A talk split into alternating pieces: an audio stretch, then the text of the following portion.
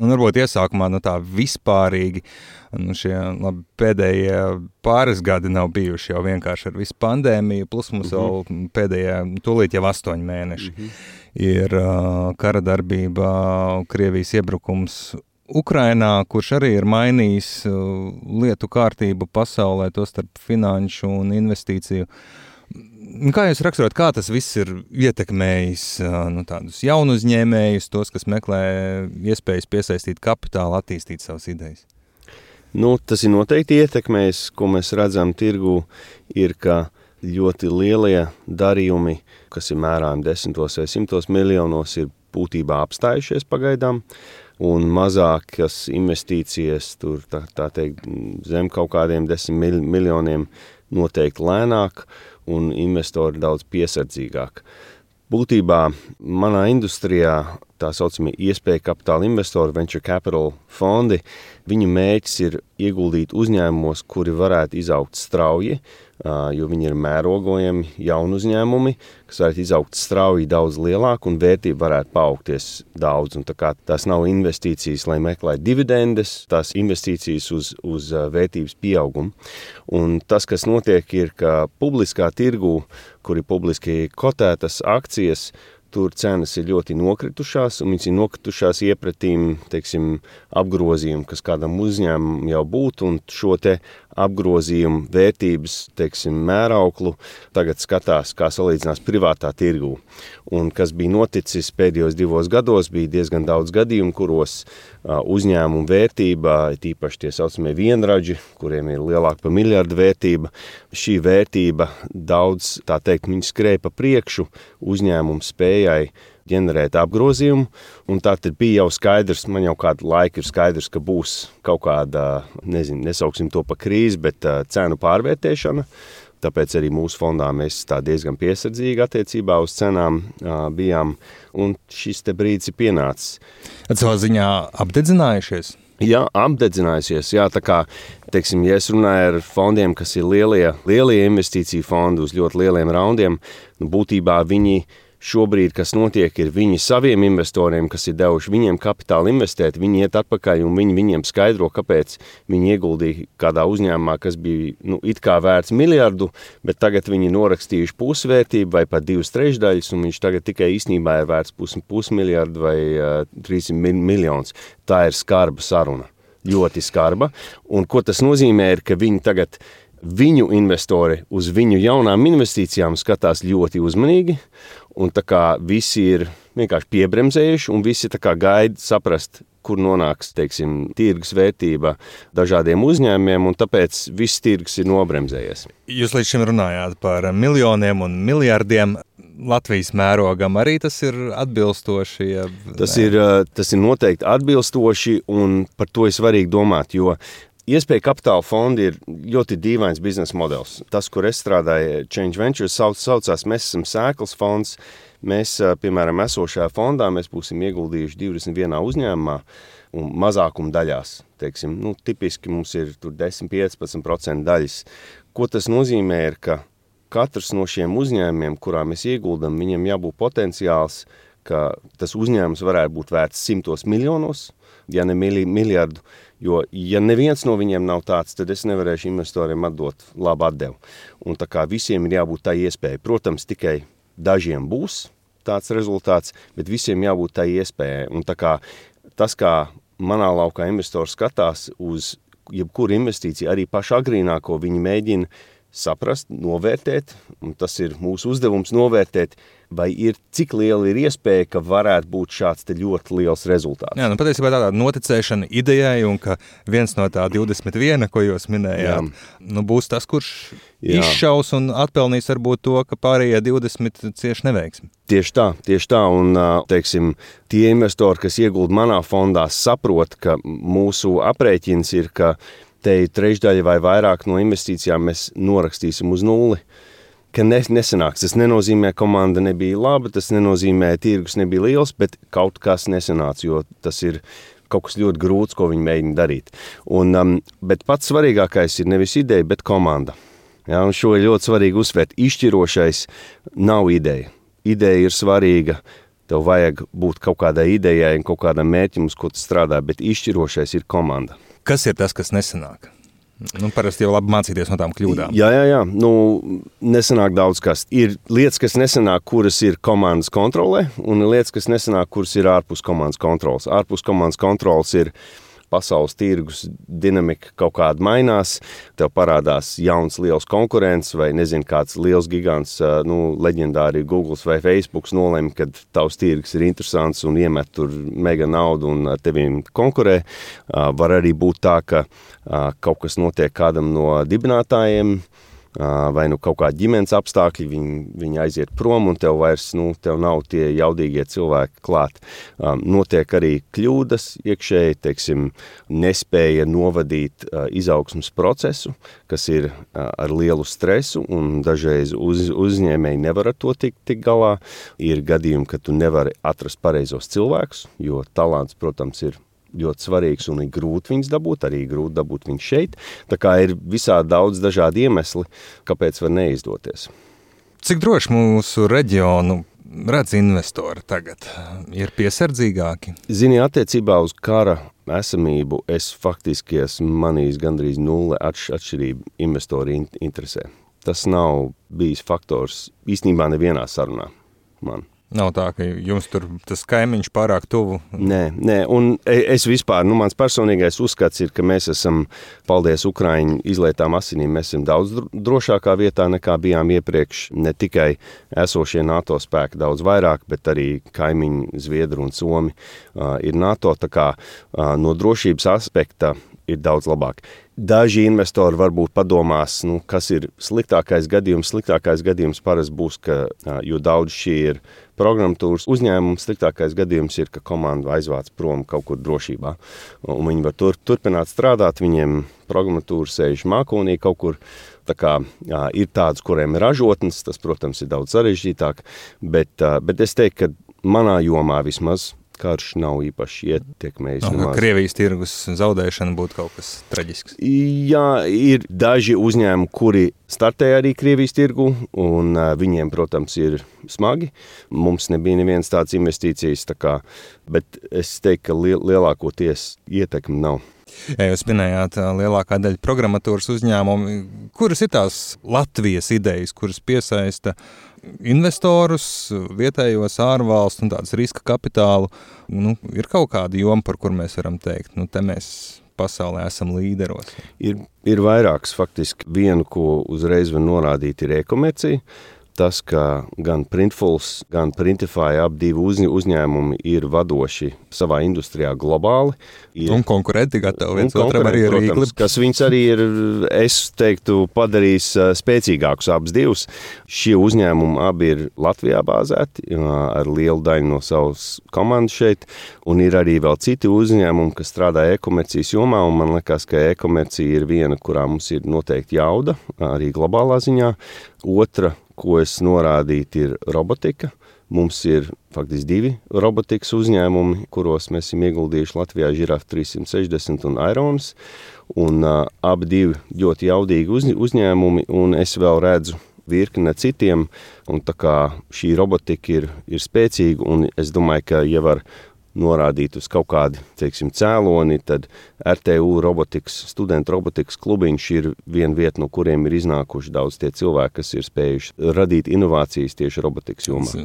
Eksaktās zinātnes tomēr strādā un nav tik traki ar viņām. Kā... Eksaktās zinātnes mums ir labas, viņas varētu būt, protams, labāk, mēs varētu viņas labāk mācīt, mēs varētu vairāk mācīt, protams, trūkst, bet tas, ka mums ir ļoti spējīgi cilvēki šajā jomā ir pilnīgi skaidrs, un, um, un mums arī ir viena priekšrocība, kas mums ir pār tām komandām no lielākām valstīm, ir mums ir tāda spēja radīt vērtību ar daudz mazāk ieguldīto kapitālu. Un tā tad dažreiz es, es parādu investoriem, kas ir te izdarīts, un viņi saka, cik daudz naudas jums ir bijusi? Tik maz. Un tā kā lielām acīm, ka tik maz naudas var tik daudz izdarīt. Un tas uzreiz ir liels pluss? Tas ir, protams, liels pluss, jo tad tev uzņēmums var attīstīties ātrāk ar mazāk ieguldījumu. Un arī varbūt vairāk notic. Par nu, tiem, kam ir kaut kādas idejas, prasmes, komanda. Uh, nu, tas uzreiz automātiski nenozīmē, ka kāds uh, ir gatavs dot jums naudu un aiziet un atbalstīt. Kā tas process notiek, ko jūs varat ieteikt varbūt tiem, kas domā par to, ka ir ideja, bet kur ņemt naudu? Nu, es teiktu, pirmais ir resursi internetā ir cik uziet. Tagad ir piemēram Y Combinator vai Techstars, kas ir vadošie akceleratori pasaulē. Viņiem visiem ir online materiāli, visādi video, tur startup skolas pavēlti, viss kaut kas vajag tik iet, mācīties, lasīt, uztvert, lai tie pamatjautājumi ir skaidri. Un es būtībā, nu, jebkuram uzņēmējam, kas man uz, nāk un prasa, kur jāmeklē, nu, viss Google ir. Tā kā pamatzināšanas īstenībā ir, ir daudz vairāk nekā bija. Ir jāzina angļu valoda, protams, bet bez angļu valodas ir grūti pacelt ļoti jaudīgu globālu uzņēmumu. Tā kā tas ir pats, pats pirmais solis. Otrs ir ir organizācijas pasākumi, ir jaunu uzņēmumu asociācija Startin LV, kurā var iestāties, ir Teka Brīga, kas organizē vakar bija, mums bija meetups, kas bija te Rīgā, ir dažādi vēl pasākumi, Tekčo konferences ir vietas, kur var atnākt, iedvesmoties, satikt citus, mācīties no viņu stāstiem, kļūdām. Tā kā ir daudz iespējas smelties. Attiecībā uz to, kā meklēt investorus, īstenībā vislabākais ceļš ir atrast kādu, kas var tevi iepazīstināt. Mēs kā. Kurš tomēr beigās pasakā, piezvanīt tam? Ja? Jā, jā, un tas ir īstenībā, tas nav, ka šis tīkls, ka mēs kaut kā slēpjamies, tur esam tādi naidīgi pret ārējiem cilvēkiem, bet man nāk nu, noteikti vairāk ēpas dienā. Gadā mums fonds izskata tur 300, 400 iespējamās investīcijas un veica varbūt 6, 7. Un tas 300, 400 vēl neieskait to lērumu, kas man nāk e-pasta no Polijas, Spānijas, kaut kur citur. Tā kā ļoti nav, daudz nav, patiesībā nav, saņem ļoti nē. Daudz, ļoti daudz saņem nē, un ir īstenībā apbrīnojami, cik daudz sūta e-pasta uz fondu, kur ir melns un balts rakstīts, mēs tikai ieguldam Baltijā, ja, un nav izlasījuši. Tā kā pirmais ir izlasīt, saprast, kas ir, teiksim, reāli potenciāli investori, un un mēģināt atrast ceļu, kā kāds tevi iepazīstinās. Jo tas ir, teiksim, es skatos tie cilvēki, kurus es pazīstu, kuriem man ir kaut kādas darba attiecības, kuriem es uz kuru, teiksim, viedoklim es uzticos par vērtīgu. Ja viņi man iepazīstina kādu, tad es vienmēr vismaz apskatīšos, varbūt aprunāšos, un tas ir filtrs, kas visiem investoriem ir ko viņi izmanto, lai, lai filtrētu to informāciju, kas ienāk, jo tev vienkārši nav iespējams ar visiem runāt. No tā uzņēmēja puses skatoties, visa nauda laba. Nē. Nu, piemēram, jā, tu atrodi, ir gatavs cilvēks ieguldīt, bet Nav, Tāds nav, šaubīgs. Nav, nav visa nauda labi. Pirmkārt, ir noteikti kategorija, kas ir šaubīga nauda. Ir nauda ar neskaidru izcelsmes avotu. Es varu skaidri teikt, ka nu, katrā reizē, kad mēs skatāmies, mēs skatāmies, kas ir esoši investori. Ja tur ir kāds iekšā ar apšaubām reputāciju, tad mēs noteikti uh, skatāmies ļoti uz, uzmanīgi, vai izvairamies no investīcijas. Un, kā, tas ir viens, tas ir kā, no automātiskais, bet otrs ir investori, kuriem ir pieredze šajā jomā, kas ir jau investējuši, saprot, kā jaunu uzņēmumu, ātras izaugsmas, te tehnoloģiju uz, uzņēmumu strādā, kas nav tāpat kā strādā restorāni, ražošanas uzņē, uzņēmumi vai cit, cits joms. Šīs zināšanas palīdz viņiem gan varbūt palīdzēt tam uzņēmumam procesā, gan arī nekaitēt. Jo var arī investors iedot naudu un kaitēt, prasot izpildīt lietas, kuras galīgi nepalīdz rezultātam, vai prasot kaut kādas atskaites, kuras nav īstenībā būtisks rezultātam.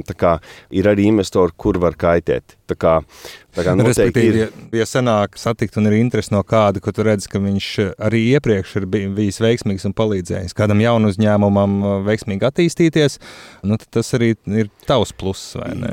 Ka, Jā, ja viņš tev uzticās un, savā ziņā apliecinājums tavai idejai. Protams, un tā kā no uzņēmēja puses es vienmēr, nu, ja, kā, ja kādam ir interesi investēt, vienmēr vajag jautāt, kur vēl viņi ir investējuši, un faktiski es ieteiktu vienmēr runāt ar tiem uzņēmējiem, kuros viņi ir investējuši, lai dabūtu atsauksmes. Jo šīs attiecības ir ilgtermiņa attiecības. Uzbūvēt lielu, veiksmīgu uzņēmumu, tas ir minimums 5, ja ne 8, 10 gadu process. Tas nenotiek ātri. Mēs visi gribētu, lai tie vienrādži aug kā, kā sēnes tūlīt, bet viņi neaug. Viņa, tas ir ilgs process, kas nozīmē, ka tev ar šo investoru jāsadzīvo ilgi. Un izvērtēt, vai tas ir pareizais partners, jo tas ir partners, jā, ir svarīgi. Jā, kāpēc es jums to jautāju? Es iesākumā minēju, ka viens no tvītiem man iedvesmoja. Jūs reiz tvītojāt, es tagad varbūt neatcerēšos precīzi to citātiņu, bet jaunu uzņēmumi, jaunie censoņi, lūdzu, lūdzu, lūdzu neņemiet naudu no ātriem kreditētajiem, jo pēc tam jūs, pat ja tur būs tikai 5% no viņiem, citi uz jums skatīsies slikti. Nu, es domāju, ka es neteiktu, ka jebkurš ātrā kredītu uzņēmējs ir slikts investors. Tā nav, ir, ir, ir arī labi. Bet viens ir asociācija, kas nāk līdzi, ar ko jārēķinās. Un ir konkrēts, eh, varbūt tas, uz ko es vairāk nor, norādīju, ir, ka tieši no ātrā kredīta jomas ir daži investori Latvijā, kuri, manuprāt, neizprot uzņēmumu izaugsmas procesu un kapitāla struktūru, kas ir vajadzīga, lai viņš būtu veiksmīgs. Ar vārdu sakot, ja tev izaugsmē vajadzēs atkārtot piesaistīt kapitālu, tad tev atšķaidīsies dibinātāja daļas atkārtoti. Un, ja pirmais investors tur saņem 30, 40 vai vairāk procentus, tev vienkārši nākamie investori, kā es, paskatīsies, pat ja ir interesanti, teiks, ziniet, nebūs. Jo mēs nevaram nodrošināt, ka šī ir veiksmīga kapitāla struktūra ilgtermiņam. Un tā kā ja jau pirmie investori nerespektē šo loģiku, tad Arī nav gatavi gaidīt tos desmit gadus un grib naudu pie pirmās veiksmes, pie pirmajiem soļiem, kā tā Jā, parādās. Es, es domāju, drīzāk tas nav tas, ka negrib gaidīt to laiku, drīzāk viņi varbūt viņi nāk no industrijas, kur viņiem nav bijis šāds te kapitāla struktūras uzbūvē un procesi, un viņi, viņi neizprot. Parunāsim par tiem vienreģiem, kas lēni aug. Šobrīd Latvijā nu, redzat tādus, kas varētu nu, tuvākajā vai mazliet tālākā laikā izaugt par, par, par pārsteigumiem, vienreģiem, varbūt par kuriem mēs, mēs šobrīd nemaz nezinām, kas tie tādi ir, ar ko nodarbojas. Es noteikti redzu, un es domāju, ka būs vēl daudzi.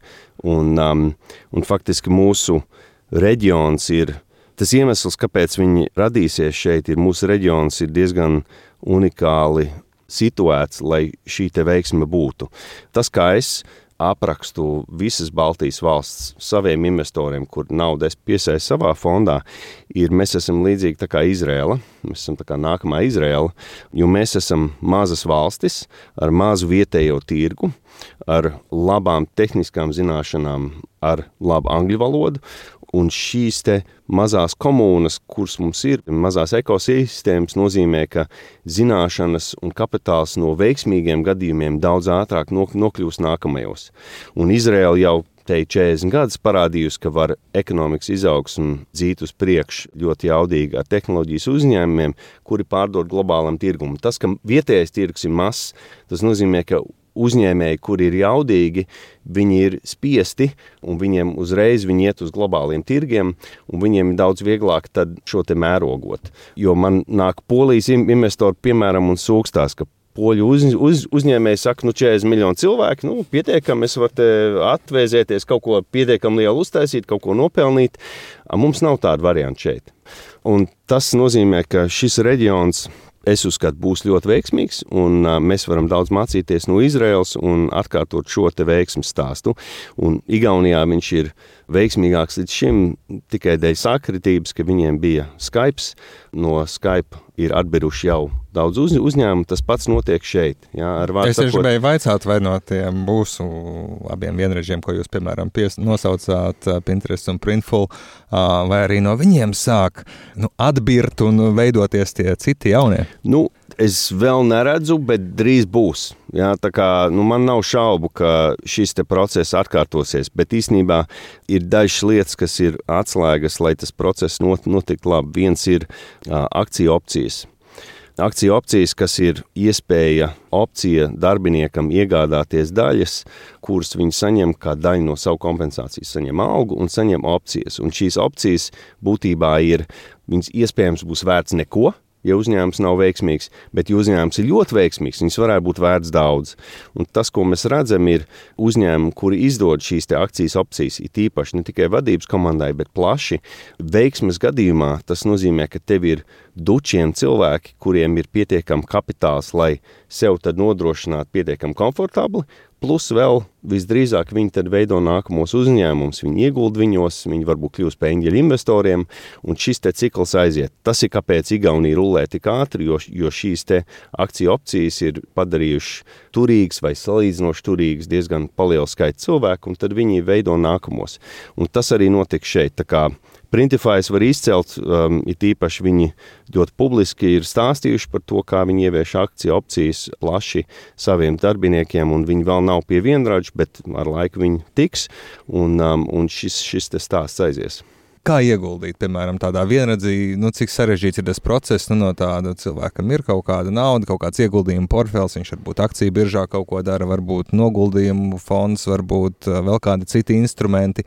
Kā iesaistīties šajos nu, tātad, teiksim, augsta riska investīcijās? Nu, vispirms es tā teiktu, izteikšu brīdinājumu, ka šīs ir augsta riska investīcijas, un um, es neieteiktu nevienam, kam nav tā teikt, naudu, ko viņi var pazaudēt, ko viņi ir gatavi pazaudēt, ieguldīt, jo tas ir, nu, tas ir ļoti izaicinoši un ir bišķiņ jāzina, ko dara. Pirmais ir brīdinājums kā, būt uzmanīgiem. Tajā pašā laikā ir vairākas iespējas. Ir ļoti maz, bet daži publiski kotēti fondi, kas investē šādos uzņēmumos. Faktiski viens arī mūsu investors ir tāds fonds no Anglijas, Molten Ventures, kurš ir publiski kotēts, kura daļas var nopirkt tirgū. Tā kā ir daži tādi varianti. Ir arī, piemēram, kapitālie, kas te Latvijā nodarbojas ar finansējumu produktiem. Viņiem arī ir investīcija fondi, kas ir, piemēram, ieguldījuši mūsu fondos, kas ir savilkuši mazāks investors kopā vienā fondā, kas tad ir likuši investīcijas šajā jomā tālāk. Tā kā ir dažas atsevišķas iespējas, nav tik viegli, bet tas ir tam, nu, tam lokam cilvēkiem, kam tiešām ir, kas ir pietiekami turīgi, ka viņiem ir līdzekļi, kurus riskēt kaut kādā augstākā riska investīcijā. Jā, draugam iedot idejai. Jā. Tad jāatrunā, draugam, viss, kā tas notiks. Eh, draugam iedot idejai arī var būt ļoti labi un ir tā teikt, eh, nu, pirmais finansējuma avots daudziem uzņēmumiem ir draugi un paziņas. Un, um, Un tas nav teikts, ka tas ir slikti. Vienkārši, ja jūs esat tas investors, jums jāapzinās, ka šī ir augsta riska investīcija, un jūs viņu varat zaudēt un neturēt ļaunu prātu pret savu draugu, ka tam draugam nesanāk. Ja? Vai, vai to Bet, spēsiet, ja nu, pirms tam padomāt? Nu jā, jā, tieši tā. Par, par to ir jāpadomā noteikti. Varbūt ir kaut kas tāds, ko jūs nācāt šurp domājāt, gribētu pateikt, bet es galīgi tajā virzienā pat nepajautāju. Varbūt. Es domāju, varbūt nu, jautājums, kas man bieži ir, ko valsts varētu darīt. Īsā atbilde ir uzņēmēji būvē uzņēmums, tā kā pamatā nu, tā ir viņa kompetence, bet ir pāris lietas, ko valsts var darīt. Viens ir palīdzēt ar pašu agrīnāko finansējumu, ir tādi akceleratoru fondi, kas bija, bija programma, kur Altuma veidoja viņas jauno versiju. Mēs gaidām jau ļoti ilgi šobrīd ekonomikas ministrijā iestrēgusi un gaidām, ka būs jaunie ministra kabineta noteikumi. Šie fondi palīdzēs dabūt finansējumu vienai daļai no uzņēmumiem, kas noteikti palīdzēs izaugsmai, un otrs ir startup māja. Šī ir ideja, kuru mēs jau no Tekā brīga puses kāds gads mēģinām attīstīt, ka būtu viens fizisks centrs, kurā tad būtu gan vairāk nobrieduši jaunu uzņēmumi, gan arī tie paši jaunākie censoņi, jo šī miedarbība starp viņiem abiem ir ļoti svarīga. Tas visus uh, rezultātus uzlabos, un mēs pie šī te strādājam, un ir vietas, kur valsts arī varētu atbalstīt uh, šo te darīt. Rīgas doma ir ļoti atsaucīga mums, bet mums vēl nav sanācis šo te. Jā, ir pa gadiem mainījusies tā attieksme un izpratne par to, kas ir jaunu uzņēmumi, startupi tā, teiksim, tā runās politiķu. Šķiet, jā. ka jā, bet jā. arī praksē. Uh, runās ir noteikti vairāk, labāk, un tā tālāk praksē es teiktu, ka tā nekas daudz. Bet nu, es, es esmu optimists pēc rakstura, kā, kā uzņēmējs, es ceru, ka ar vienu mums paliks labāk.